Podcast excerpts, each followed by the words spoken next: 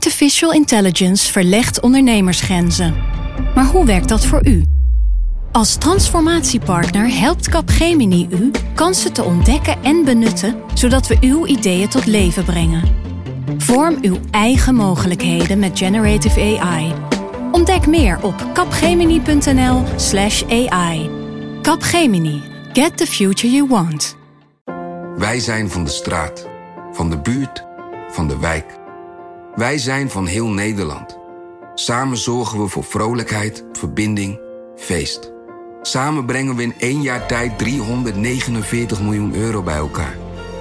Miljoenen waarmee onze goede doelenpartners de wereld groener, gezonder en rechtvaardiger kunnen maken. Nationale Postcode Loterij. Samen voor een betere wereld.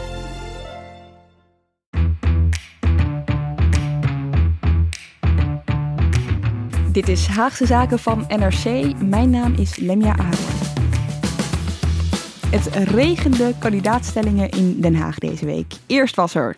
Ik ben groot gebracht in een partij die gewend is verantwoordelijkheid te willen dragen, juist als het moeilijk wordt. Eh, in die traditie wil ik ook staan en daarom stel ik mijn kandidaat als lijsttrekker voor het CDA. En toen kwam, toch nog redelijk onverwacht. Het CDA-gedachtegoed is mij met de paplepel ingegoten. Hier, op Volendam. Hier zijn families van belang. Hier zijn vrienden van belang. Hier weten wij dat je samen sterk bent. En daarom ben ik graag uw lijsttrekker. Al helemaal onverwacht voegde een derde persoon zich op het nippertje toe aan dit rijtje. En dat kan ik heel goed. Ik ben heel goed in een lijst te, om die lijst aan te voeren, aan te trekken. Ik ben een campaigner in hart en nieren. Ik ben een christendemocraat in hart en nieren. En laat mij dan ook lekker in die Tweede Kamer straks mijn werk doen. En laten we Wopke Hoekstra nou dat werk van een premier of een minister van Financiën doen waar hij zo goed in is. Dat was Martijn van Helvert. En toen, als er nog een overtreffende trap bestaat van onverwacht, dan maakte Pieter Omtzigt die waar. Want ook hij meldde zich op het allerlaatste moment als kandidaat-lijsttrekker van het CDA. Dit werk wil ik voortzetten. Deze idealen wil ik een plek kunnen geven. En daarom ben ik beschikbaar als lijsttrekker van het CDA voor de komende Tweede Kamerverkiezingen.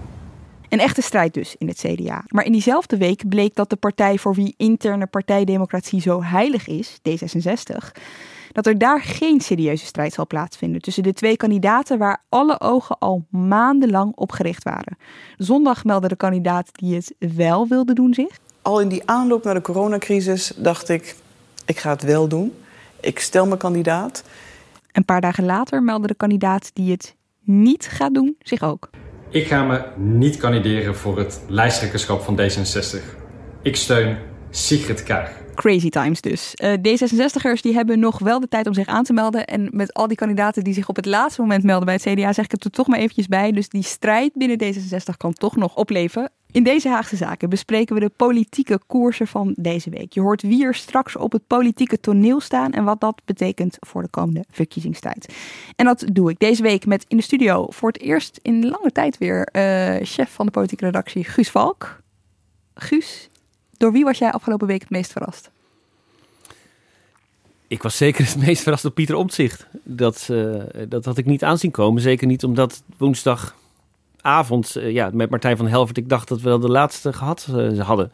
En opeens komt Omtzigt nog daags na de sluiting van de, van, de, van de inschrijftermijn nog even. Dus die had ik niet aanzien komen. Ook hier uh, in de studio Barbara Rijlaarsdam. Ja, van jou dezelfde vraag eigenlijk. Maar ik denk dat ik hetzelfde antwoord ga horen, of niet? Ja en nee, maar ik had toevallig vorige week van een CDA een appje gekregen... die zich erover verbaasde dat uh, Pieter Omzicht niet meer werd genoemd... of niet werd genoemd als uh, mogelijke lijsttrekker, kandidaat-lijsttrekker. en hij somde allerlei redenen op waarom Omzicht heel geschikt zou zijn. Dus ja, ehm, misschien had ik er toch ergens rekening mee moeten of kunnen houden... Um, wat waren die redenen? Wat, wat, wat was het bijvoorbeeld? Nou, hij zei bijvoorbeeld, hè, hij, hij um, heeft groot draagvlak in de partij. En hij kan ook buiten het vaste kernelectoraat van, uh, van het CDA grote groepen kiezers aanspreken. En hij is een man die echt zijn emoties laat zien uh, in debatten. Um, ja, wat hem wel een echt mens maakt. Ja. Ik, ik geef het maar door. Dus ik was zelf misschien toch nog het meest verrast over Mona Keizer. Um, ik, ik, dacht uh, na het soort ontmoedigingsbeleid dat uh, volgde op de uh, bekendmaking van de kandidatuur van Hugo de Jonge, dat, nou ja, dat ze misschien zou denken, laat ook maar. Ontmoedigingsbeleid, daarmee bedoel je Buma, Grapperhaus, Knops, die Ja. zich één voor één achter Alle CDA-prominenten die zich meteen uitspraken voor de jongen. Eh, en toen duurde het ook nog een paar dagen. Dus ik dacht, nou, misschien denkt ze er nog eens goed over na. En, en wil ze zich toch niet in die strijd mengen. Ja. En dat je- ze het toch doet, eh, ja, verbaast me een beetje. za- zag jij dat ook als een verrassing, eh, Keizer? Guus? Nou, niet, niet helemaal. eh, omdat ik eh, eh, haar in het openbaar best wel vaak over het lijsttrekkerschap heb horen speculeren. Dus ze, ze, ze wakkerde dat vuurtje zelf ook altijd wel een beetje aan. En ze had het vaak over de, nou ja, het is uit een treuren gezegd afgelopen week, maar over de kroonprinsessen, die er ook zijn naast de kroonprinsen. En eh, zij heeft het ook altijd belangrijk gevonden dat zich ook vrouwelijke kandidaten melden. Nou, die, eh, die, die waren er nog niet, hè, met, eh, met alleen Hugo de Jong op dat moment. Dus in dat opzicht zag ik het wel aankomen. Ehm, maar ik wist niet helemaal zeker natuurlijk waar haar ambities de laatste tijd lagen. Ik heb er de laatste maanden echt een stuk minder over gehoord, eerlijk gezegd. Ja, ja, ze heeft in 2012 ook al even geprobeerd. Hè? Dus Ja. dat had misschien ook een aanwijzing kunnen zijn. Vanuit het redelijk, vanuit het niets. Was toen wethouder in Purmerend. En toen besloot ze zich eh, in het eh, rijtje met onder andere Buma te gaan, eh, te gaan voegen. Ja, dat heeft haar geparachuteerd tot, tot bekende Nederlander. Nummer twee op de lijst. Nummer twee op de lijst Ja. geworden. Dus ehm, een kandidaat lijsttrekkerschap, ook als je hem niet wint, kan natuurlijk heel vruchtbaar zijn. Ja, en vergis je niet, hè, toen haalden ze een kwart van de stemmen, 26 procent, als eigenlijk totale onbekende. Ja. Eh, dus ik snap wel dat ze haar kansen nu hoger inschat. Ja, met Keizer erbij gebeurde er ook iets anders interessants. Want we hebben het vaak over de, de strijd in het CDA gehad hè, in Haagse zaken. En dan koppelden we daar eigenlijk als vanzelf twee namen aan. De kroonprinsen eh Wopke Hoekstra en Hugo de Jonge. Die lagen best wel nou ja, bij elkaar in de buurt qua verhaal. Nu ontstaat er echt een, een ideeënstrijd. Ja, zeker. En ehm, eh, met eh, aanvankelijk Keizer en De Jonge als eh, twee, eh, twee kandidaten eh, leek ook wel, en dat blijft misschien ook wel een beetje zo, leek ook wel ehm, eh, dat de, de, de twee vleugels in de partij zich als natuurlijk achter een kandidaat konden scharen. Want eh, Mona Keizer profileert zich heel erg als eh, een kandidaat die ook de regio belangrijk vindt. Die ook kijkt naar het belang van de boeren bijvoorbeeld. Nou, een heel groot deel van de CDA-achterban neemt dat heel, heel gewichtig op. Die vinden dat heel belangrijk. Ze is Rooms-Katholiek. Ze, is vrouw, dat hadden we al, al genoemd. Maar ze, en ze heeft... ehm, ja, ze, draagt conservatievere ideeën uit dan eh, Hugo de Jonge. En eh, zeker als het gaat om samenwerking met eh Forum voor Democratie. Daar zit echt een verschil met Hugo de Jonge. Dus een soort bestaand schisma in die partij krijgt nu ook twee gezichten. Dus ehm, dat, is, dat is natuurlijk ontzettend interessant om te zien. Dus in die zin zijn het wel een soort ja, representanten van twee verschillende werelden. Hoewel je bij Hugo de Jonge niet kan zeggen dat hij per se aan de linkerkant zou zweven of zo. Hij laat zich over veel dingen niet echt duidelijk uit, vind ik. Ehm, maar goed, het is een man uit de stad. Eh, hij is protestants. Ehm, eh, lijkt, ook, eh, een, ja, lijkt ook het belang van de stedelingen te, willen, te willen vertegenwoordigen. Ja, want dat heeft hij ook heel duidelijk gezegd. Hè, in dat mediabommetje op het moment Ja. dat hij zijn kandidatuur bekend maakte.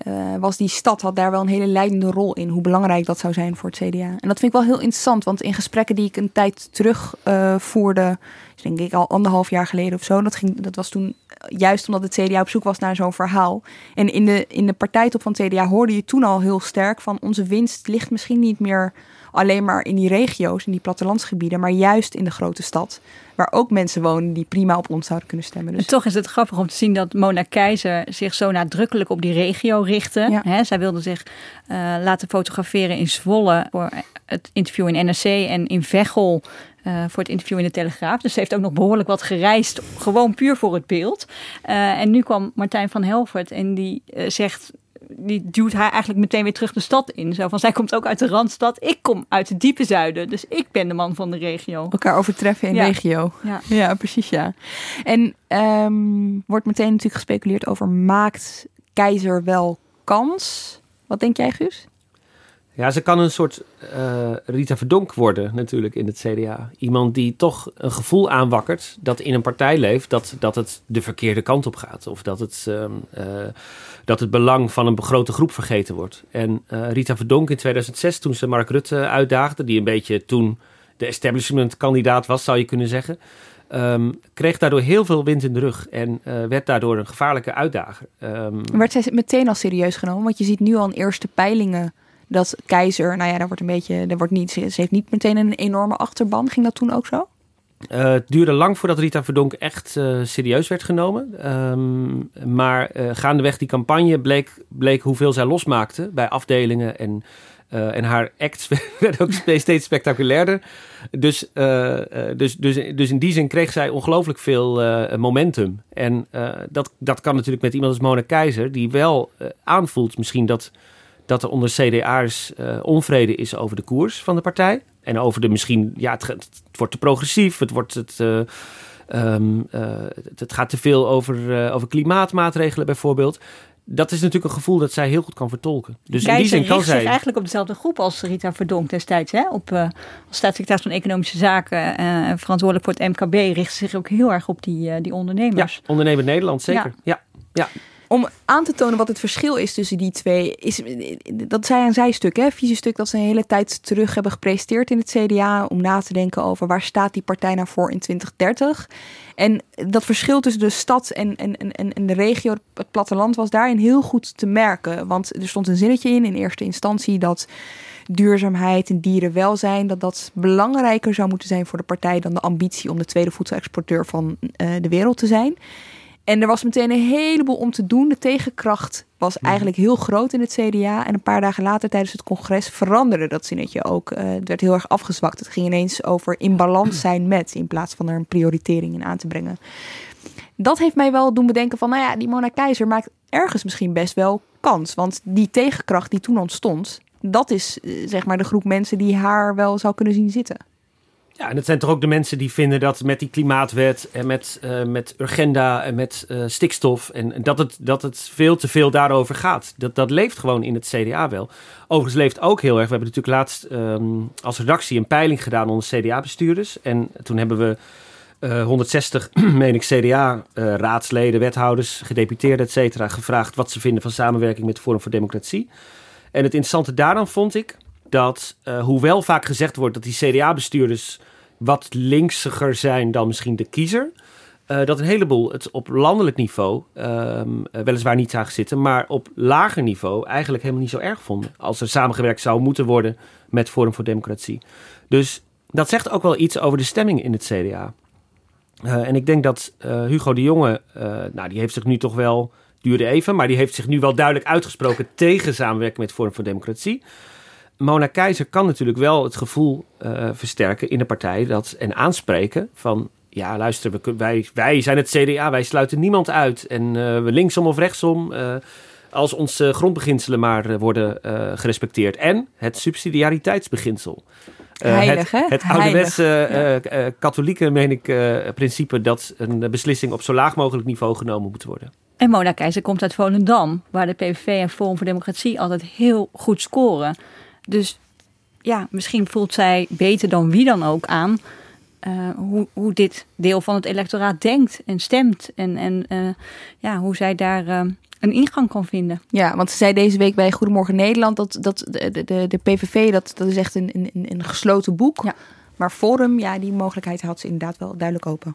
Een ander onderwerp wat, waar wij ook wel in uh, lijken te verschillen uh, met, met elkaar um, is uh, de samenwerking met Forum voor Democratie. Mm -hmm. PVV hebben we gedaan, buitengewoon slecht bevallen, onbetrouwbare partner gebleken. Dat is echt een gesloten boek. Maar als je daar, die sluit u dus uit? daar hebben we echt leergeld met elkaar betaald. Dat gaan we niet meer doen. Dat heeft de partij echt verscheurd. Okay. Um, Forum voor Democratie, Thierry Baudet, um, is een, een, een, nieuwe ster aan het firmament, zoals dat heet. Uh, hoe dat uitpakt, hè, weten we niet. Uh, Henk Krol is van gigantische peilingen helemaal weg gegaan. Dus hoe hij er over een jaar voor staat, ik weet het niet. Maar ik vind dat je altijd iedereen een kans moet geven. Hij zegt vreselijke dingen. Maar waar, uh, waarvan ik ook zeg, jongen, ga je mond te spoelen, zou ik tegen mijn jongens thuis uh, mm. zeggen. Uh, maar tegelijkertijd vind ik het veel interessanter om eens te achterhalen... waarom zijn mensen nou van hem gecharmeerd? Dat ga je mond te spoelen. Hoe vaak heb je dat gehoord afgelopen ja, week? Ja, het is echt het is heel tekstvast. Serieus, ze geeft de het overal dezelfde voorbeelden. Dat is wel grappig. Ik wou nog zeggen over uh, Forum voor Democratie dat dat debat leeft echt enorm in het uh, CDA. En het is, het is wel slim van haar dat ze deze positie kiest, denk ik. Um, ik zit net, uh, of ik zat net vanochtend uh, de nieuwe editie van Christendemocratische Verkenningen te lezen. Hij is er weer. Hij is er weer. Bij mij thuis wordt de Donald Duck en de CDV. Dat zijn Uh-huh. ongeveer de twee, populairste bladen. Ehm, maar dat gaat ook weer, eh, zoals zo vaak, over samenwerking met Forum. En eh, daar staat een interessant eh, stuk in van Piet Hein Donner, oud-minister. En lange tijd natuurlijk CDA-icoon. En die spreekt zich echt wel behoorlijk duidelijk uit voor samenwerking met Forum. En hij schrijft letterlijk, ik lees even voor. De reactie bah, vies, afblijven is wel begrijpelijk. Maar men zet zich, eh, zichzelf daarmee buitenspel en niet de ander. Vervolgens zegt hij van eh, eh, uitsluiten van Forum leidt tot meer legitimatie van hun omstreden opvattingen. Met andere woorden, laat ze maar meedoen. Ehm, en ook een beetje op pragmatische gronden dus. En ik denk wat hij zegt, dat dat heel erg breed leeft in het CDA. Dus dat debat blijft maar gevoerd worden. Dat zal deze campagne niet anders zijn. Ja. En dat is in het voordeel misschien wel van iemand als Mona Keizer. Wat ik ook interessant vind, is dat Mona Keizer jarenlang als Tweede Kamerlid de zorgportefeuille heeft gedaan. Ehm, dus zorg is niet een thema dat Hugo de Jonge als minister van Volksgezondheid zomaar kan claimen. En sterker nog, eh, we, we raken nu langzaam uit de coronacrisis. Je krijgt allerlei evaluaties en onderzoeken. We gaan terugblikken. Waar is het fout gegaan? Wat had er anders gemoeten? Ja, en daar is hij natuurlijk een van de hoofdrolspelers. Dus als het ehm, als uit die onderzoeken blijkt dat hij eh, zaken heel erg fout heeft aangepakt, ja, dan kan eh, Mona zomaar eh, met dat zorgthema er vandoor gaan. Ja, het was ook wel interessant, want ze noemden het ook heel nadrukkelijk de hele tijd. Hè? En dan begon ze weer over Meld het Mona. Dat was een soort van punt dat ze ooit heeft, heeft opgestart. Zo- Mensen die vastraakten in de bureaucratie in de zorg, die konden zich bij haar melden en zo. Klinkt een beetje als zo'n rubriek in een vrouwenblad. Ik wil het niet zeggen, maar inderdaad. Sorry, ja. ik doe Ja. En voor Hugo de Jonge geldt dat hij zich dus ook daarmee wel een beetje kwetsbaar heeft gemaakt. Want zijn campagne draait volledig om de coronacrisis. Ja. Hij wil zichzelf echt neerzetten als chef corona. En eigenlijk maakt hij daarmee, probeert hij er ook een referendum eigenlijk te maken van, eh, van de vraag hoe heb ik de coronacrisis eh, Ja, doorstaan. en dat is brisant, want hij is verantwoordelijk voor de verpleeghuizen. En als het ergens heel erg fout is gegaan, eh, dan is het in de verpleeghuizen. Ja, Precies, hij gokt natuurlijk nu op dat, dat er nog altijd veel steun is voor het kabinetsbeleid. Maar de vraag is wanneer de pendule omslaat Ja. inderdaad. En dan hebben we nog twee andere kandidaten die zich hier dus aan, eh, aan toevoegden, kun je wel zeggen. Martijn van Helvert kwam voor mij al echt als een enorme eh, verrassing. Hij komt natuurlijk echt uit de regio Limburg. Eh, heeft daar ook wel echt een grote aanhang. Is iemand die daar iedere week een spreekuur heeft, al dan niet online. Waar mensen, ik heb wel eens online meegekeken tijdens een Facebook spreekuur. En dan konden mensen echt het ging echt over alles. Echt over alles. En hij had overal wel een antwoord op. En als hij dat niet had, eh, dan, eh, dan zei hij dat ook. Denk je, denk je dat hij kans maakt? Nee, Nee. ik denk niet dat hij kans maakt. Nee, hij, is, hij heeft inderdaad een eh, populariteit, in, met name in Limburg. Heeft ook heel veel voorst- voorkeursstemmen gehaald, de vorige verkiezingen. Is ook een eh, geprofileerd Kamerlid. Eh, is woordvoerder Buitenlandse Zaken en Defensie. Niet de makkelijkste onderwerpen om eh, je als CDA te profileren. Zeker niet als Ank Bijleveld je minister is, want hij heeft het wel heel vaak voor haar moeten opnemen. Ja, ja. dat deed hij natuurlijk wel eh, met verven. Ja. Ehm, maar hij viel eh, natuurlijk wel op met eh, opmerkelijke uitspraken... die eh, ook wel doen vermoeden dat hij eh, toch wel een beetje aan de rechtervleugel van, de, van het CDA eh, hangt. Ehm, meest opvallende vond ik persoonlijk was zijn eh, oproep om eh, met Assad weer te gaan eh, praten... en diplomatieke Ja. banden te gaan onderhouden. Ehm, dat was een moment dat ik dacht, hij loopt nu wel heel ver eh, voor de muziek uit. Ehm, hij nam daar een standpunt in dat dat nog lang geen kabinetsbeleid is natuurlijk. Ehm, dus dat was, dat was heel opvallend. En ja, bij Van Helvert denk ik niet dat hij de, dat hij de bekendheid heeft om, om in korte tijd een eh, hele campagne neer te Want zetten. er gebeurde best wel iets geks bij zijn kandidatuur. Zei hij ook dat hij Wopke Hoekstra dan als premierskandidaat zag. Dat hij Ja. dat zichzelf helemaal niet, niet zag doen. Maar dat hij tegelijkertijd Hoekstra niet vooraf had geïnformeerd... om hem eh, daarvan op de hoogte te stellen. Dat hij zo'n belangrijk onderdeel van zijn campagne zou worden. Ja, dat maakte op mij wel een bijzondere indruk. Ik dacht of het is niet helemaal goed doordacht. Of hij wilde Hoekstra verrassen. En Hij, hij zei ook zoiets van, ja, Hoekstra zal dat toch wel doen. Ik ken hem. Ja, Eh, nee, ik heb hem dat niet eh, gevraagd. Eh, maar ik weet zeker dat eh, als ik straks die lijst mag trekken en wij worden groot als partij en wij mogen een eh, eh, minister leveren, eh, een premier leveren wellicht, dat eh, Wopke die verantwoordelijkheid zeer zeker zal nemen. Want ik ken Wopke als een zeer verantwoordelijk bestuurder, een adequaat bestuurder. Eh, en dat zal hij ook zeker doen. heel vreemd kwam dat over. Kijk, en Hoekstra die heeft zichzelf juist niet kandidaat gesteld voor het lijsttrekkerschap. Omdat hij zegt dat hij zich meer een bestuurder voelt dan eh, politiek dier, als ik hem goed citeer. Ehm, nou ja, je kunt zeggen als premier moet je het land besturen. Dus eh, misschien wil hij dat wel. Het komt toch als een wat vreemde figuur over, door, om dat niet vooraf te bespreken. Al, bespreek je het maar, al zeg je maar van joh, ik ga mijn kandidaat stellen en ik ga jou noemen. Uh, dan weet je nog niet of iemand daarvoor in is, maar dan meld je dat even. Is het, is het, ik kan me voorstellen dat het team Hugo de Jonge wel echt uh, er heel blij mee was. Die kandidatuur van uh, Martijn van Helvert. Want ja. Ja, ik hij, vermoed hij, dat hij stemmen wegsnoept bij, bij Mona Keizer. Ja, precies. Ja. En dat is weer goed voor Hugo de Jonge, want dat betekent dat hij... Een versnipperd veld een gewoon. Versnipperd, ja, precies. En dat is ja. het voordeel natuurlijk van, uh, van, uh, van degene die, uh, die zich een beetje buiten de andere, die een beetje buiten de andere staat. Ik weet niet of je hetzelfde van Pieter Omtzigt kan zeggen.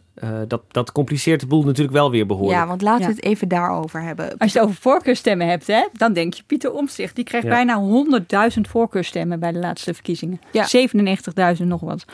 Maar Keizer is... had er meer. Die had er ruim 160.000. Ja, ja, ja. ja, Maar uh, Pieter Omtzigt is iemand die zich de afgelopen tijd inhoudelijk vooral heel erg veel, bewezen heeft. Hè. De toeslagenaffaire, het gedoe op Malta.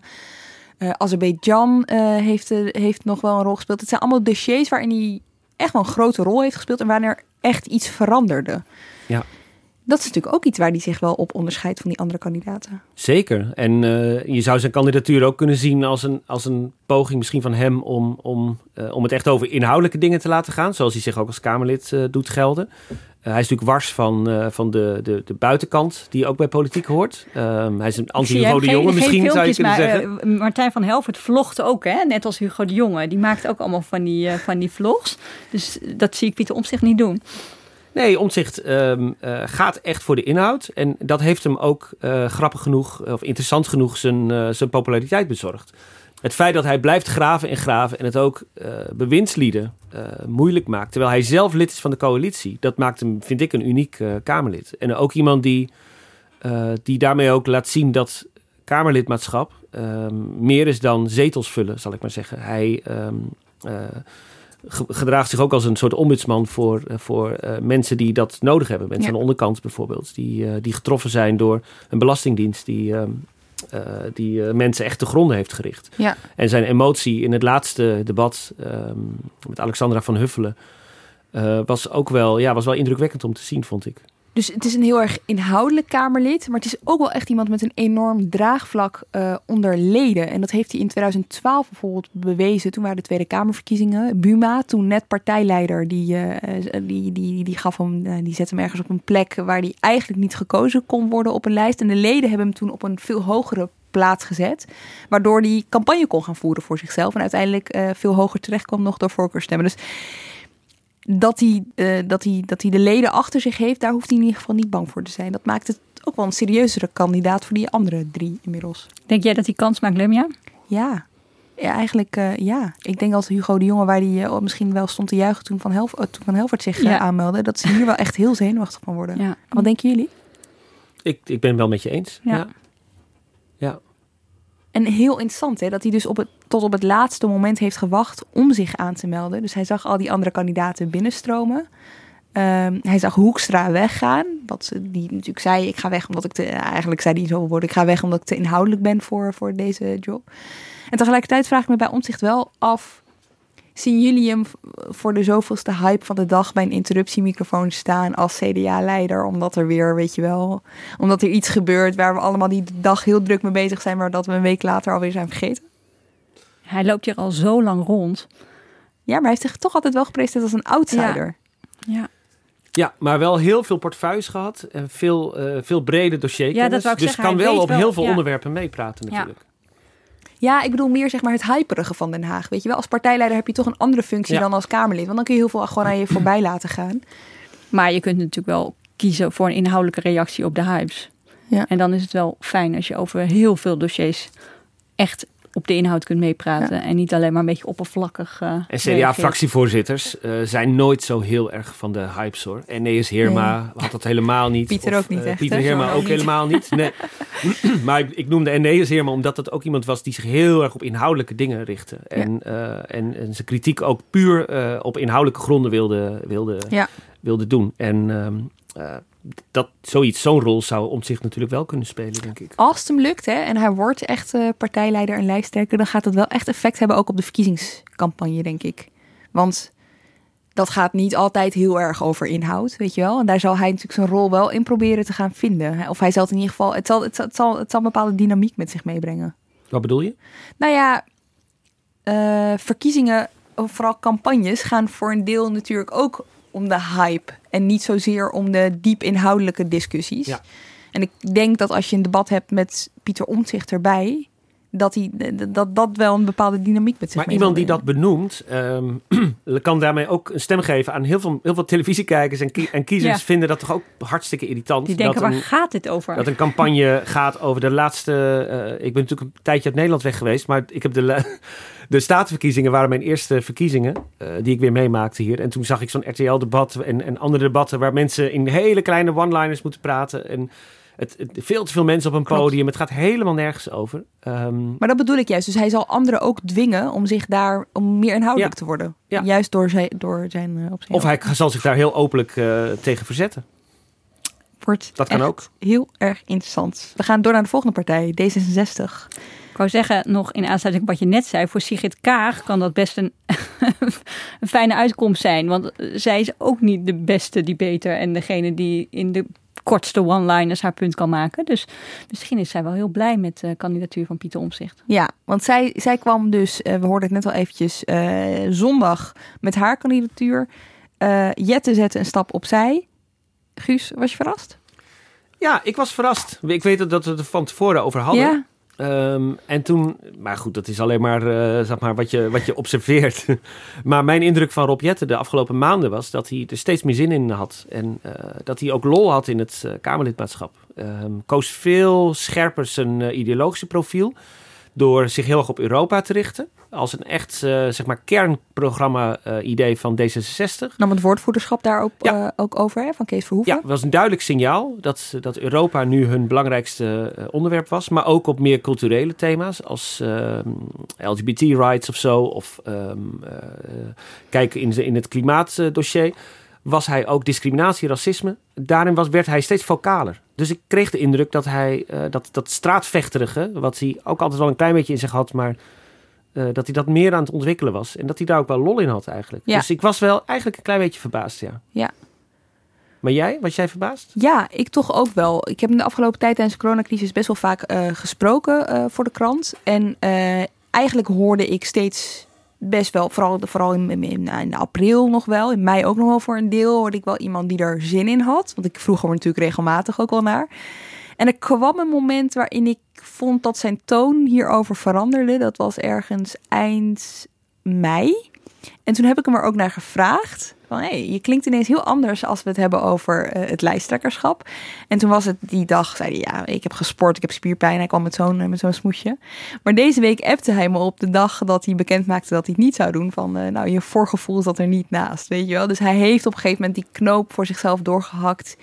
Ik doe het toch niet. En ik denk dat wat wel heeft meegespeeld is het draagvlak voor Kaag is natuurlijk enorm groot in D66. Er wordt echt met hoop. Ja, ik, ik krijg een beetje Cohen-vibes in de zin van eh, hoe erg naar haar werd uitgekeken als een soort van messias, weet je wel. Dat is de vrouw met wie het gaat lukken. Ehm, en als je dat ziet gebeuren, dan kun je je eieren voor je geld gaan kiezen. Maar wat ook meespeelt is dat in de anderhalf jaar dat hij fractievoorzitter is geweest, is best wel moeilijk voor hem geweest om eh, te laten zien dat hij het kan. Of in ieder geval wat is gelukt. Eh, in de peilingen scoren ze echt al eh, heel lang heel slecht. Er zijn twee verkiezingen geweest in de tussentijd. De Europese verkiezingen, daar zijn zij gehalveerd in aantal zetels. De Provinciale Statenverkiezingen hebben ertoe geleid dat zij drie zetels kwijt zijn geraakt van de tien in de Eerste Kamer. Dus ik kan me voorstellen, hij heeft vaak gezegd dat die campagnes ook voor hem zouden meespelen in zijn afweging om het wel of niet te doen voor die twee verkiezingen. Dus ik kan me voorstellen dat, nou ja, als je dat lijstje zo ziet, dat je dan denkt, ik, ik sla over. Maar hij verlaat de politiek niet, hè? Dus Nee, en ik, ik zie- zie ook dat hij heel veel krediet krijgt voor deze stap opzij. Hè, mensen zijn echt heel Ja. trots, D66'ers. eh, die zeggen, wat mooi dat, dat dit zo kan, weet je wel. En dat hij dit op deze manier doet. Chic, geloof ik, is het woord dat ik best wel vaak voorbij zag komen. Dus misschien slaat het ook wel juist heel positief ehm, op hem terug. Ja, ja, daar zit wat in. Eh, het is ook natuurlijk wel een heel lastige positie van waaruit hij nu... eh, hij kon eigenlijk geen kant meer op. Nee. Dat is waar. Nee. Ehm, dus eh, dat, daar heb je gelijk in. Puur, als je puur kijkt naar wat, wat hij eruit had kunnen halen. Nou, dat is hoogstwaarschijnlijk een nieuw verlies. Hè? Want ze, Ze, ze gaan zeker niet, eh, ze gaan zeker niet hun zetelaantal, eh, vermoed ik tenminste, behouden onder de lijsttrekker Jetten. Ehm, ja, dan, dan is dat natuurlijk niet, ja, dat is niet heel leuk campagne voeren. Ja, even naar die zondag, hè? want eh, dat mediabommetje van, eh, van Kaag, ze was op heel veel plekken tegelijkertijd in één keer. Ehm, wat me opviel trouwens was dat ze had gekozen voor veel vrouwelijke journalisten. Hè? Dus ze Ja. had Eva Jinek, die is eigenlijk met reces, die komt ergens in juli pas weer terug, maar die was hiervoor teruggekomen. Ze had Marloes Lemsom gesproken Ja, voor Vrij Nederland en Eén Vandaag. Dus dat was denk ik nog wel een, eh, een overwogen keuze van Ja. haar. En er was nog iets anders bij haar, bij haar kandidaatstelling, want ze presenteerde zich heel erg als premierskandidaat. Voor een partij die zevende in de peilingen staat, is dat natuurlijk best wel interessant. Ja, Maar- dat heeft iets. eh, dat, dat, ik snap wel waarom ze dat doen. En dat is ook heel lang de strategie geweest van, eh, van D66. Op papier klopt het ook wel, zou je kunnen zeggen. Hè? Een, een, een kandidaat die progressieve kiezers naar zich kan toetrekken. Kiezers die eh, misschien ehm, ja, aangetrokken worden door een soort cosmopolitisch eh, wereldbeeld. Of, ehm, of die gewoon een tijd vinden voor een vrouwelijke premier. Dat vinden heel veel Nederlanders. Maar ja, ze staan natuurlijk in, in peilingen op een dramatisch verlies nog altijd. Ja, dit zeg jij nou wel, Guus. Maar eh, Oh. in januari zaten wij ook met z'n drie in de podcast. En toen was jij het nog. Die zei, eh, met Sigrid Kaag heeft D66 een premierskandidaat. En toen zei ik, nou, nou, nou, is dat niet een beetje overdreven? ook GroenLinks bijvoorbeeld, daar, zijn ze, daar zullen ze redelijk huiverend kijken naar eh, wat daar gaat gebeuren. Want Kaag eh, als premierskandidaat, nou ja, ik kan me voorstellen dat ze daar ook wel wat GroenLinks of misschien zelfs PvdA-kiezers weg kan trekken. Maar jongens, premierskandidaat, we hebben het over D66, hè, die nog nooit de grootste zijn geworden. Dus het is ook wel een beetje, ze nemen wel een hele flinke aanloop. nou ja, het is hoe je je presenteert, hè? Dus het is hoe jij je in zo'n campagne presenteert. Het waren Guus en Lem, ja, ontdek ik nu. ik hoorde Guus niet. Ik, Ik hoorde vooral Guus niet, ik hoorde jou, Ik ja. was bang voor compromitterende opnames, maar dat valt enorm mee. Ja. Ja, ja. Nee, maar het is ze bluffen natuurlijk eh, hiermee. Hè? Ze, ze- ja, een soort self-fulfilling prophecy. Als je het maar eh, heel vaak zegt, dan wordt iemand misschien premierskandidaat. Tuurlijk, dat, en dat moet je ook. eh, dat moet, moet maar het dat kan ook een doen. last zijn. Hè? Jij noemde net Joop Cohen. Eh, dat heeft hem echt, dat heeft hem echt een, een, een lode last bezorgd uiteindelijk. Want Ja. alles wordt ook gemeten naar de maatstaf van. Kan hij het premierschap aan? En een premierschap is ook iets, ja, daar moet je een beetje in groeien. Rutte heeft het ook, heeft ook jaren over gedaan voor hij daar was. Ja. Ehm, en dat is helemaal niet erg, lijkt me. Dat, het is Bedoel je, dat kijker, bedoel je dat kijkers naar bijvoorbeeld debatten haar straks dus ook op die manier gaan beoordelen? Ja, die zullen kijken of zij inderdaad, eh, of, of zij inderdaad eh, premierwaardig is, zal ik maar zeggen. En dat door, door je heel erg zo te presenteren, ehm, zullen mensen ook eh, ja, je daarop afrekenen. Ehm, terwijl het voor de andere lijsttrekkers misschien een aardige bijkomstigheid kan zijn. Ja. Ehm, of het wordt minder expliciet gemaakt. Straks wordt Asscher opeens de grootste en, en wordt hij premier. Maar de vraag is heel erg of hij zich bijvoorbeeld in de campagne heel erg als een, eh, als een eh, premierskandidaat gaat opstellen. Nu met negen zetels voor de PvdA. Dus Ja, ze hopen bij D66 natuurlijk op zo'n Timmermans-effect. hè? Zo'n Mhm. zwaar internationaal eh, zwaar gewicht dat ineens een partij uit het slop trekt. Maar het is een beetje gek denk ik om te zeggen Nou ja, dat je de, de Timmermans-kandidaat bent. Nou, het hangt heel erg af van de context. Ik denk dat als er geen economische crisis was hè, en het veel ging over identiteit bijvoorbeeld of over populisme, dan, had je, dan was dat best slim geweest. Maar als het onderwerp straks de economische crisis wordt, dan heb je wel al helemaal als je een prem- premierskandidaat naar voren schrijft, heb je iemand nodig die daar hele duidelijke ideeën over heeft. Ja. En ik weet niet wat voor indruk, wat voor indruk, hoe, wat voor indruk maakt zij op jullie? Eh, nou ja, mijn idee was eh, toen ik haar, haar presentatie zag, dacht ik, ja, er is lang over nagedacht. Er is al, er is al eindeloos aan gewerkt. Eh, als je D66ers eh, sp- dat- dat- dat sprak, al maanden geleden ging het Ja. erover, ging het over Kaag. Ehm, uiteindelijk had ik het gevoel dat ze één ding vergeten waren bij deze verder zeer gelikte presentatie. En dat was haar verhaal. Want ze had eigenlijk niet veel meer te vertellen dan... eh, ik heb er zin in, het is tijd, Ja. eh, eh, we gaan er tegenaan. En dat, dat was het ongeveer. Even, even luisteren naar haar, want ik, ik zat natuurlijk op één te kijken. De dag van haar kandidaatstelling mocht ze daar s'avonds eh, aanschuiven. En er werd haar op een gegeven moment de vraag gesteld waarom zij dit wilde. En toen kwam er, nou, luister maar gewoon eventjes. Eh, ik ben bewust naar Nederland teruggekomen. Ik ben de politiek ingegaan. Het is tijd om leiderschap op je te durven nemen als ik verkozen zou worden. Je nek uit te steken. Ehm, en ja, de politiek denk ik ook weer te waar leiderschap te laten zien. Wat ik zei, luisteren, maar ook durven kiezen. Ja. Niet bang zijn. Eh, en dit is een tijd in de coronacrisis in Nederland, waar ik mijn verantwoordelijkheid wil nemen om een weg naar voren te vinden, voor tolerantie ook te werken, maar ook een Nederland in Europa en de wereld. Nou, een leider die eh, verantwoordelijkheid wil nemen, dat is het verhaal.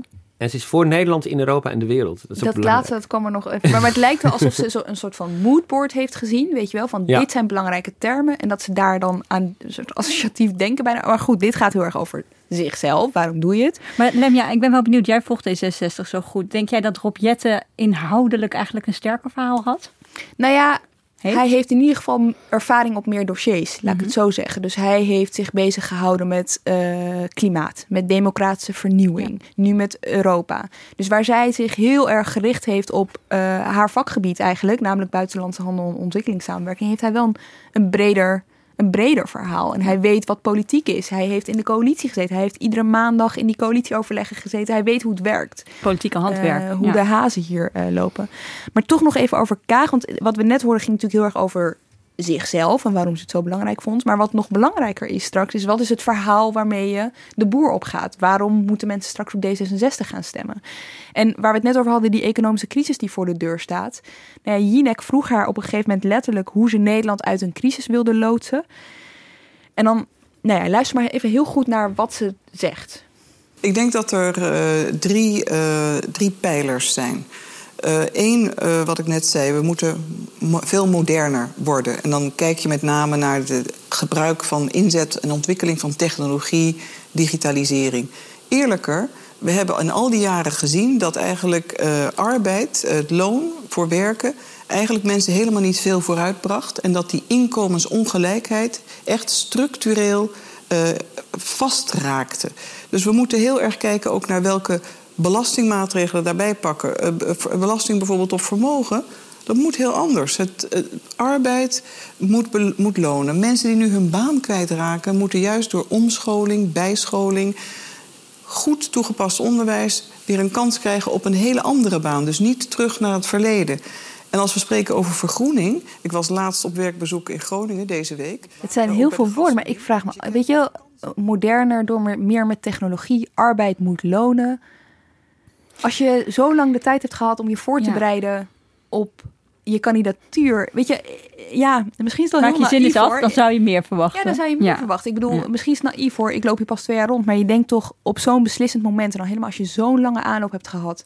dan breng je bij je kandidatuur toch juist je ideeën. Dat, dat is toch de ja, basis. Of je, of je, vindt, je, je kan met een heel programma komen. Hè, daar kan je voor kiezen van we willen dit, een hypotheekrenteaftrek en, eh, en een subsidie naar dat en belasting omlaag, wat dan ook. Eh, of je kiest een soort grondtoon. Eh, dat doet Lodewijk Asscher bijvoorbeeld slimmer, Mhm. vind ik. Want die kiest heel erg voor eh, zekerheid. Dus die maakt alles wat hij zegt, Ja. stopt hij in een soort van frame van zekerheid. Van we willen dit en dat en dat, want de mensen hebben zekerheid nodig of zoiets. En ehm, wat Kaag doet is inderdaad, ik probeerde het ook te volgen. Het lukte me ook niet helemaal, ehm, omdat ik niet helemaal wist waar ze naartoe wilden uiteindelijk. Ze wilden goed naar de belastingen kijken. Toen dacht ik van, oké, maar wat gaat er dan precies? Het moet anders, maar dan is de vraag... Ja, wat gaat er dan precies Ja, gebeuren? Of ja. wat is je einddoel? Ehm, en dat, dat zag ik niet helemaal voor me. Ja, je kan niet op zo'n moment, denk ik, met een boodschappenlijstje komen. Dat is, Nee. Daar is het ook niet het moment voor. Maar dit zijn wel heel holle frases. En het vind ik toch boeiend, want in die partij speelt wel... Het is, het is wat onrustig, want zij weten, regeren is halveren. Hè? Dat is het mantra dat vaak klinkt bij D66. Dat heeft zich in de geschiedenis ook wel bewezen.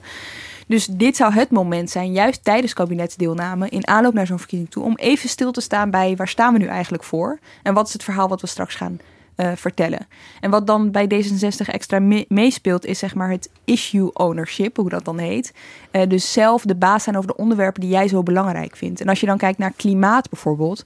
nou, die boodschap zijn andere partijen ook wel gaan uitdragen de afgelopen tijd. Tot en met de VVD, eh, Barbara, die jij Ja, volgt eh, aan toe. aan toe. Ja. Onderwijs, zij hebben voor het eerst een onderwijsminister kunnen leveren. Maar leraren zijn nog nooit zo vaak de straat op gegaan om te gaan demonstreren. Van basisonderwijs tot en met universitair onderwijs. Dus het is best moeilijk als je dat allemaal ziet wegglippen. Als je andere partijen jouw boodschap eigenlijk met succes ziet overnemen. En je, je ziet die onrust, die, die uit zich ook wel door bijvoorbeeld... eh, ik zag laatst een interview met ehm, eh, eh, de voorzitter van... of de directeur van het wetenschappelijk bureau van, van D66. En die had het over het sociaal liberalisme en de klappen die het de afgelopen tijd heeft gehad. En van dit is een moment om daar eventjes over na te gaan denken. Er was een, een speechschrijver van Wouter Koolmees die laatst ook een heel stuk online heeft gezet van... Toen was Kaag, had zich nog niet gekandideerd, maar die zei van... Of het nou Kaag wordt of Jette, dat is een nummer twee. Maar nummer één is, waar staan we nou eigenlijk voor?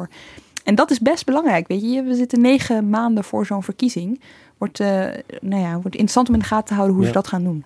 Wat me nog wel opviel, we hadden het er net al eventjes over. Jinek, ze zat bij Vrij Nederland. Uh, ze zat bij Eén Vandaag. Ze had heel duidelijk voor een aantal media gekozen. Hugo de Jonge heeft ook echt voor een mediabommetje gekozen. Dus niet één moment, maar gewoon heel, heel veel uh, plekken op één moment.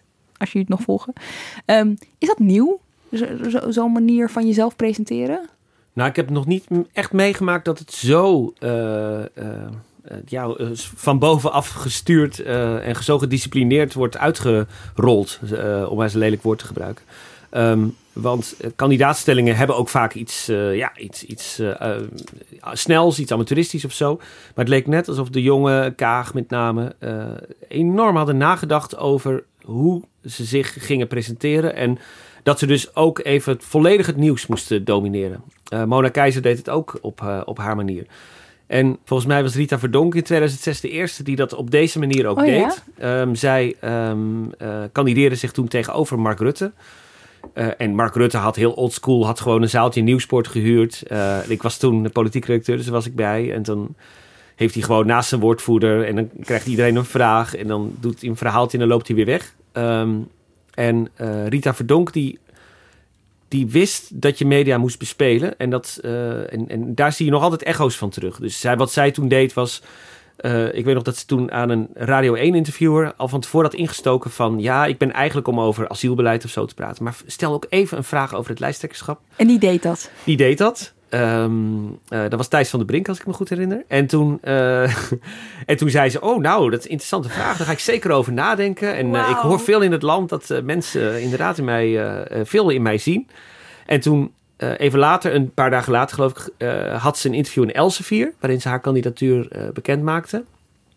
Uh, vervolgens huurden ze de RAI af. Uh, tenminste, ze was op de bouwraai toen, uh, waar allemaal ondernemers waren. En toen gaf ze daar een soort van pompeuze presentatie. Dus ze had een soort van... Volgorde bedacht. ze had een volgorde bedacht, ze had een strategie bedacht. En um, steeds als ik, zeg maar, als ik Hugo de Jonge nu zie of Mona Keizer... of met al, hun, met al dat nadenken over hoe, hoe gaan we dit doen? Dan moet ik altijd aan Rita Verdonk denken. Grappig, hè? Ja. En jij, jij zegt net media bespelen. Je gebruikte dat woord. Dus natuurlijk de afgelopen tijd zag ik ook al wat kritiek voorbij komen van al die media die laten zich hier maar door, uh, door leiden. Maar ik moet zeggen, ik vind het zelf best ingewikkeld. Want moet je het nieuws dan niet brengen als je het krijgt? Weet je wel? Dat is... Nee, dat is, dat is natuurlijk onzin. We moeten het wel brengen. Alleen, ja. um, het, het, voelt altijd wel een beetje ongemakkelijk. Je wordt dan een paar uur van tevoren uh, gebeld. Uh, nou, je weet ook hoe dat is. Dan dat er een aankondiging komt. Ja. Ze gaan dan niet zeggen van uh, hij of zij gaat het doen of niet, maar wel dat er iets komt. En kunnen wij daar onder embargo dan uh, een afspraak over maken? Dan kun je natuurlijk zeggen, nee, dat doen we niet.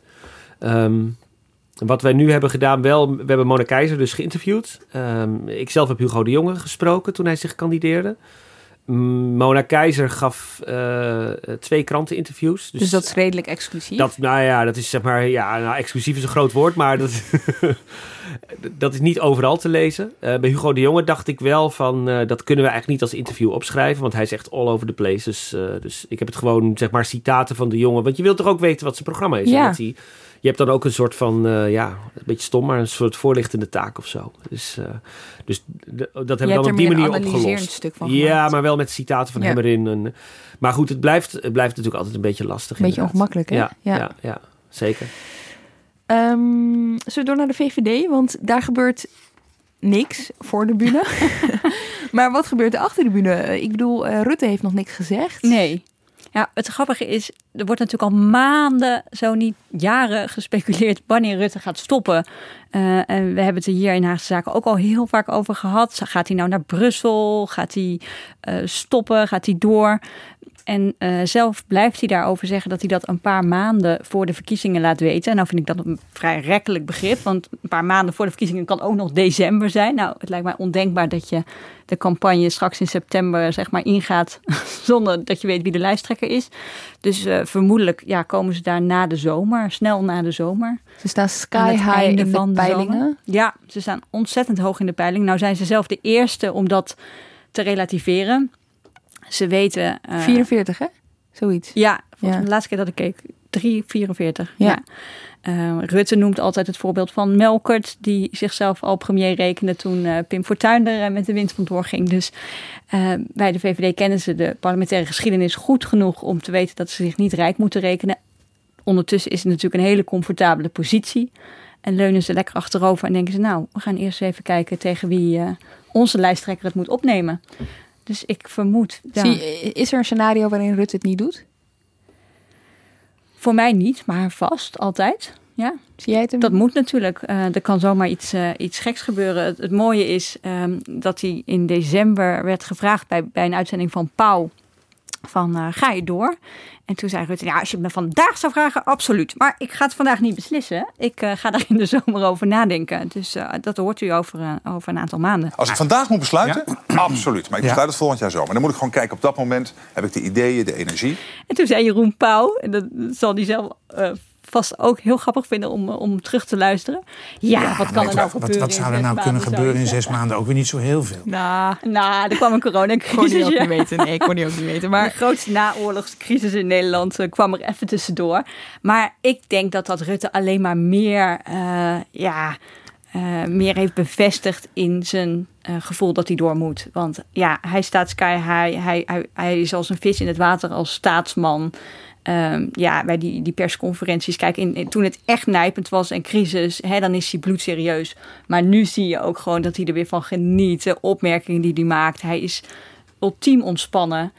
Um, en ik ben er echt oprecht. Ik heb hem uh, een, een, aantal jaar gevolgd van overtuigd dat hij niks zo leuk vindt als uh, campagne voeren. Uh, ik stond ergens op zaterdagochtend bij min 3 of zo in Noordwijkerhout uh, te koukleumen en mezelf een beetje te vervloeken van waarom sta ik hier ook alweer.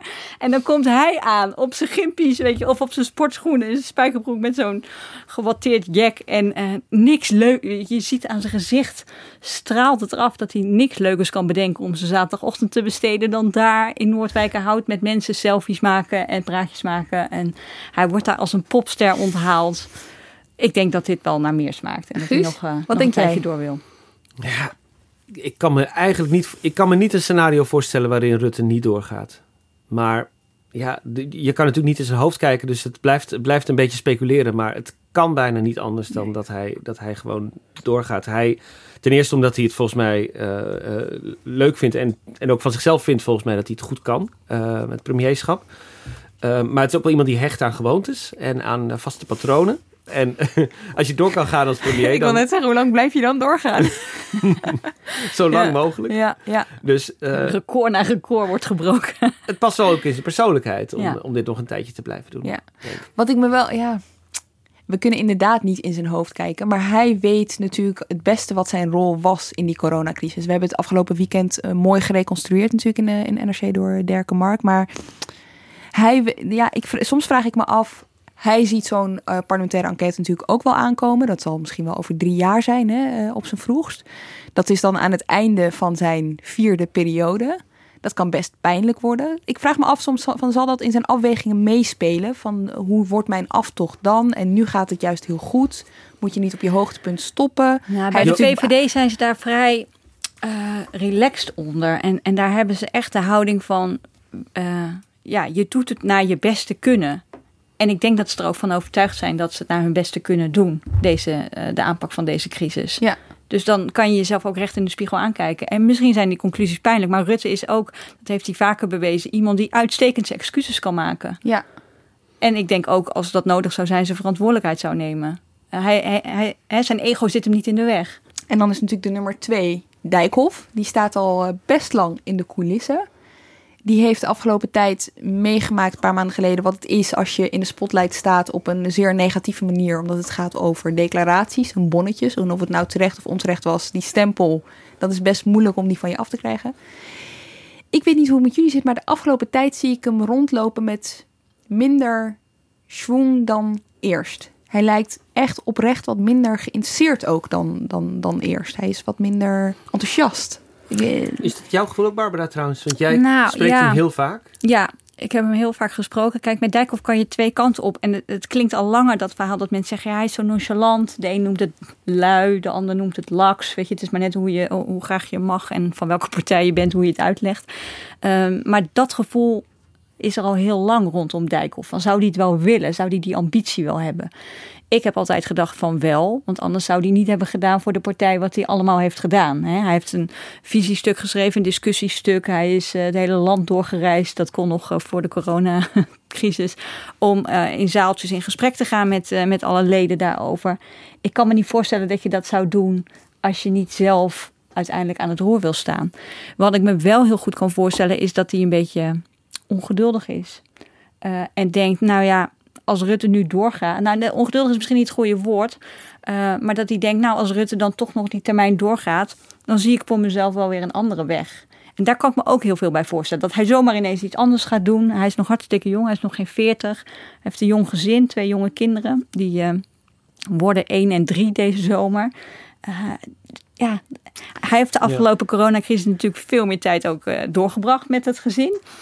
Het zou me helemaal niet verbazen als hij eh, gewoon een, eh, een, een, een baan in een hele andere tak zoekt en eh, ik, ik, ik zich ben terugtrekt. met die gedachte van een, hè, die, die- wat ik zag, zeg maar, die wat iets meer te neergeslagen schouders de afgelopen heb ik een beetje rond gaan vragen ook in de coalitie van vat jullie wat aan hem op in, in, in- tijdens die, die vergaderingen op maandag en zo. En daar hoorde ik ook wel hier en daar van, nou ja, zo'n dossier als bijvoorbeeld stikstof. Daar zou hij normaal echt wel van genieten. Daar zou die, eh, daar zou die op. En daar zien ze iets minder passie. Dat wordt Ja. gebruikt in, in dat soort dossiers. Dus ik twijfel ineens of hij. Ja, het zou me niet verbazen als hij zou zeggen: ik, eh, ik ga wat anders doen. Ja, het viel me in dat klimaatdossier altijd op dat hij, heel, eh, dat hij een van de best voorbereide Kamerleden was Ja. over het algemeen. Ja. Juist onder de fractievoorzitters. Eh, wist er echt alles van. Ook door zijn eigen ervaringen ermee.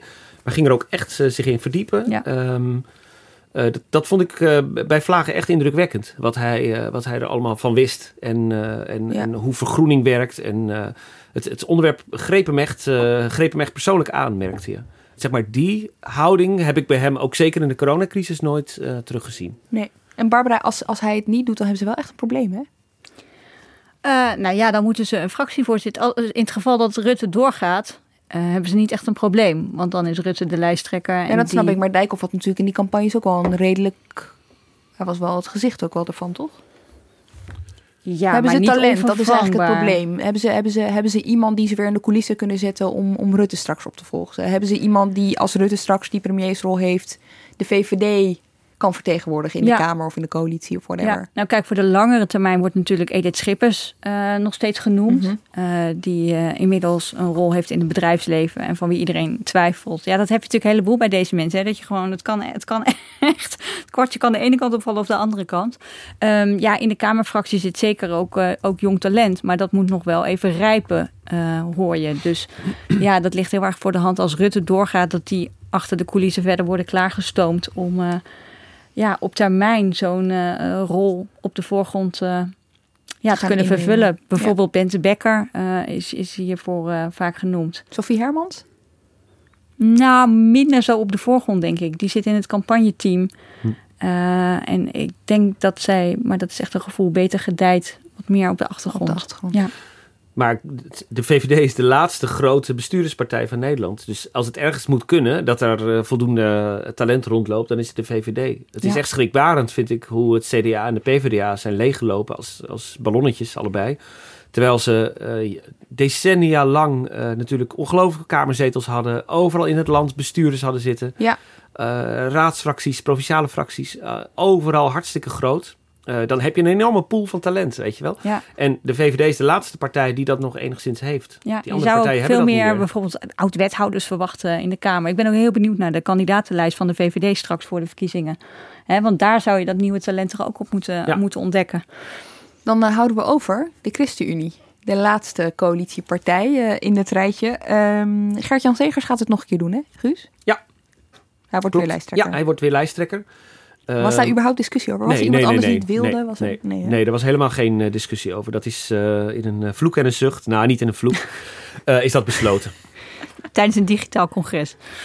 Dus uh, nee hoor, dat was, dat was volkomen duidelijk dat Ja. Segers het Ja. eh, zou doen. Voor Ja. de wind gaat natuurlijk wel weg. Hè? Ja. Toch wel een, eh, ook wel een gezicht van die partij eh, de afgelopen tijd. En waar we het bij andere partijen speelt er altijd zoveel. Weet je wel, als het niet de lijsttrekker is, dan is het wel het verhaal. Als het niet het verhaal is, dan is het wel iets in de fractie. Maar bij de ChristenUnie lijkt er eigenlijk nooit echt iets te gebeuren. Of kijk ik Nou, dat- niet goed genoeg? Dat ben ik niet helemaal met je eens. Eh, daar is ook een koersdebat. Mhm. Ehm, heel duidelijk. Met name over de vraag hoe staan we ten opzichte van de islam bijvoorbeeld. Maar ook Mhm. hoe staan we ten opzichte van, ehm, eh, van samenwerking met Forum voor Democratie. Eh, waar is onze positie eigenlijk op het politieke spectrum? Zijn we eh, sociaal-christelijk links? Of eh, zijn we een meer behoudende, cultureel behoudende partij? Dat, dat debat leeft wel degelijk in, eh, in de ChristenUnie. Ehm, de ChristenUnie is natuurlijk van oudsher al een fusiepartij... waar je dus al snel met bloedgroepen zit. En Ja. een complicerende factor is dat er meer... de laatste jaren meer evangelische kiezers bij zijn gekomen. Veel meer mensen uit de steden. Meer mensen met een migrantenachtergrond En wat betekent dat voor de partij? Dat er veel meer, eh, dat, dat, dat het veel spannender is, eh, zeg maar, waar het naartoe gaat. Is het niet meer een, eenduidig? Het geluid is niet meer eenduidig. ik eh, had het met Gert-Jan Segers laatst over, over racisme en Zwarte Piet. En toen vertelde hij dat het in de traditionele achterban van de ChristenUnie nog altijd wel een beetje een uitgemaakte zaak was hoe er over Zwarte Piet werd gedacht. Hè? Namelijk? Dat is cultuur, dat hoort erbij. Ehm, eh, waarom zou je dat veranderen? Maar hij zei, ook door de andere samenstelling van de ChristenUnie praat ik veel meer met voorgangers uit migrantenkerken bijvoorbeeld. Eh, en hoor ik ook heel andere eh, signalen. Dus daar is hij ook gevoeliger voor geworden. En hij zwoer Zwarte Piet min of meer af eh, twee jaar geleden. Dat is een uitvloeisel daarvan. Tegelijkertijd is Segers ehm, in zijn denken natuurlijk niet bepaald cultureel links of zo. Hij heeft een boek geschreven vorig jaar, dat heet De Verloren Zoon. En wat hij daarin doet, is eigenlijk een schets geven van het verweesde Nederland ehm, en eh, waar het volgens hem aan ligt. En een van de dingen die hij schrijft is dat, ehm, en citeer ik even, dat de soms zeer assertieve aanwezigheid van de islam eh, veel verweesde Nederlanders verder vervreemdt. Eh, en dan heeft hij bijvoorbeeld over, over gebedsoproepen uit moskeeën, noemt hij dan bijvoorbeeld. Eh, ook in een interview dat Petra de Koning met hem had. En interessante daaraan is dat hij dus, als het gaat om islam bijvoorbeeld, echt duidelijk meer aan de rechterkant zweeft. Een tijdje geleden interviewde ik met Petra eh, Wouter Bekers, de directeur van Ja. het eh, eh, Wetenschappelijke Instituut van de ChristenUnie. En hij, eh, hij is close met Segers, ehm, maar eh, ging een soort van solo-actie aan, want hij eh, had een essay geschreven waarin hij ehm, het opneemt voor gezond nationalisme. En eh, dat is dan een, eh, ja, een, een, een, een manier van nationalisme waarin veel meer trots op je eigen land, op je eigen waarden. eh, niet buigen voor, eh, voor de islam komt er ook, ook heel erg voor. eh, komt er ook heel erg in voor. Hij prijst de boeken van Baudet. Ehm, Ik wou zeggen, het ging ook over Forum voor Democratie. Dat, dat Zeker, interview. zeker. Hij vond het- dat rake observaties die Baudet schreef. Hij vond dat hij te- onterecht werd gedemoniseerd. Tenminste, als je zijn boeken las. En, en verwees terug naar de Centrumpartij, 40 jaar geleden. Ehm wat zei van, hebben we niet al die jaren weggekeken? De- en dat is een sentiment dat, dat leidde tot een gigantische rel in de ChristenUnie. Maar hij, hij had wel een sentiment te pakken dat ook leeft in die partij. Een, een sentiment dat veel rechtser is, veel behoudender, Ja. cultureel behoudender. Dus, eh, dus nee, het is super spannend wat er in de ChristenUnie gebeurt. Ja, en, en want dat is dan in de hoop om zeg maar die groepen die zich bijvoorbeeld verenigen in, in, in die, die zich bijvoorbeeld thuis voelen bij FVD, om die zich naar, naar de ChristenUnie toe te trekken. Want het lijkt ook een. Ik weet niet of het zo strategisch is. Want dan, dan, dan dat, FVD past helemaal niet bij de ChristenUnie. Nee, precies. Het is niet, het is niet strategie. Het is, Het is denk ik, het ideologie. is, het is echt ideologie. Het is echt ideeën die daar ontstaan. En er zijn natuurlijk veel behoudende eh, eh, kerkgaande eh, kiezers van de ChristenUnie die, het, die, ja, die dat ook echt vinden. Ja. Dus, dus ja, het blijft natuurlijk ook gewoon een behoudende partij. Ondanks dat ze in deze coalitie zeker ook vaak aan de linkerkant hangen als het gaat om, om eh, vluchtelingen bijvoorbeeld. Of eh, klimaat. Ja. Dus, eh, dus ze hebben altijd al een beetje die spagaat gehad. Ze staan er goed voor ook, hè? Zeer goed. Ja, Ja, in de peilingen. ja dat komt ook omdat vanaf ze. het begin ook. Ja, ook omdat ze denk ik heel veel van dit soort dingen ook wel een beetje binnen kamers weten te houden. En wel knap hoe ze die twee flanken, zou je kunnen zeggen, verenigen. Bij het CDA slagen ze daar dus een stuk minder goed in. Segers kan dat heel goed. Ja. Ja. Ligt dat echt aan Segers? Is het, is het de partijleider die dan zo'n. Of is het de achterban die gewoon niet zo eh, van het eh, openlijke ruzie is? Eh, nou, dat weet ik niet. Want Veel, veel ChristenUnie-kiezers zijn wat vrijgemaakt gereformeerd. En dat zijn afsplitsingen van daarbij, afsplitsingen. ja. Van, nee, dus dat, dat, is het, dat is het niet. Ik denk dat, dat je toch ook wel heel veel krediet aan Segers moet geven. Ja. Komende tijd, we hebben echt vet veel besproken. Ik bedoel, de komende tijd, de komende negen maanden wordt het alleen maar mooier en leuker, denk ik. Waar kijken jullie het meest naar uit? Ik kijk het meest uit naar het, eh, het lijsttrekkersdebat bij het CDA. 6 juli waarschijnlijk, hè? Ja. ja, dat, eh, We dat moeten nog uitvechten wie daar naartoe gaat. maar ja, dat wordt spannend, ja. Want dan zien we inderdaad die, die, die eh, ideeën, die ideeënstrijd die we nu een beetje via de media gevoerd zien wo- worden op een podium. Ja, precies. En jij, Barbara, Ja. bent er eh, tijdens de verkiezing niet meer bij, hè? Ik blijf het allemaal volgen, maar eh, meer vanaf de zijlijn. Ik eh, word in augustus de plaatsvangend chef van de economieredactie van onze krant. Dus ik ga kijken hoe ons land in een recessie wordt gestort en wat dat allemaal met zich meebrengt. Maar de politiek zal toch weer meer een hobby zijn. Ja, kom je wel af en toe nog over die economische kant vertellen? Ja, tuurlijk. Ja, ik heb een soort twee liefdes, hè? de economieredactie en, eh, en eh, politiek Den Haag. Dus ik pendel gewoon eh, vrolijk tussen die twee heen Mooi. weer. Mooi, je bent meer dan welkom. Dank jullie wel, Barbara Rijlaarsdam en Guus Valk. Dank ook voor het luisteren. Productie en redactie van deze aflevering waren in handen van Iris Verhulsdonk. Volgende week dan zijn we er gewoon weer. Dus ik zou zeggen, tot dan.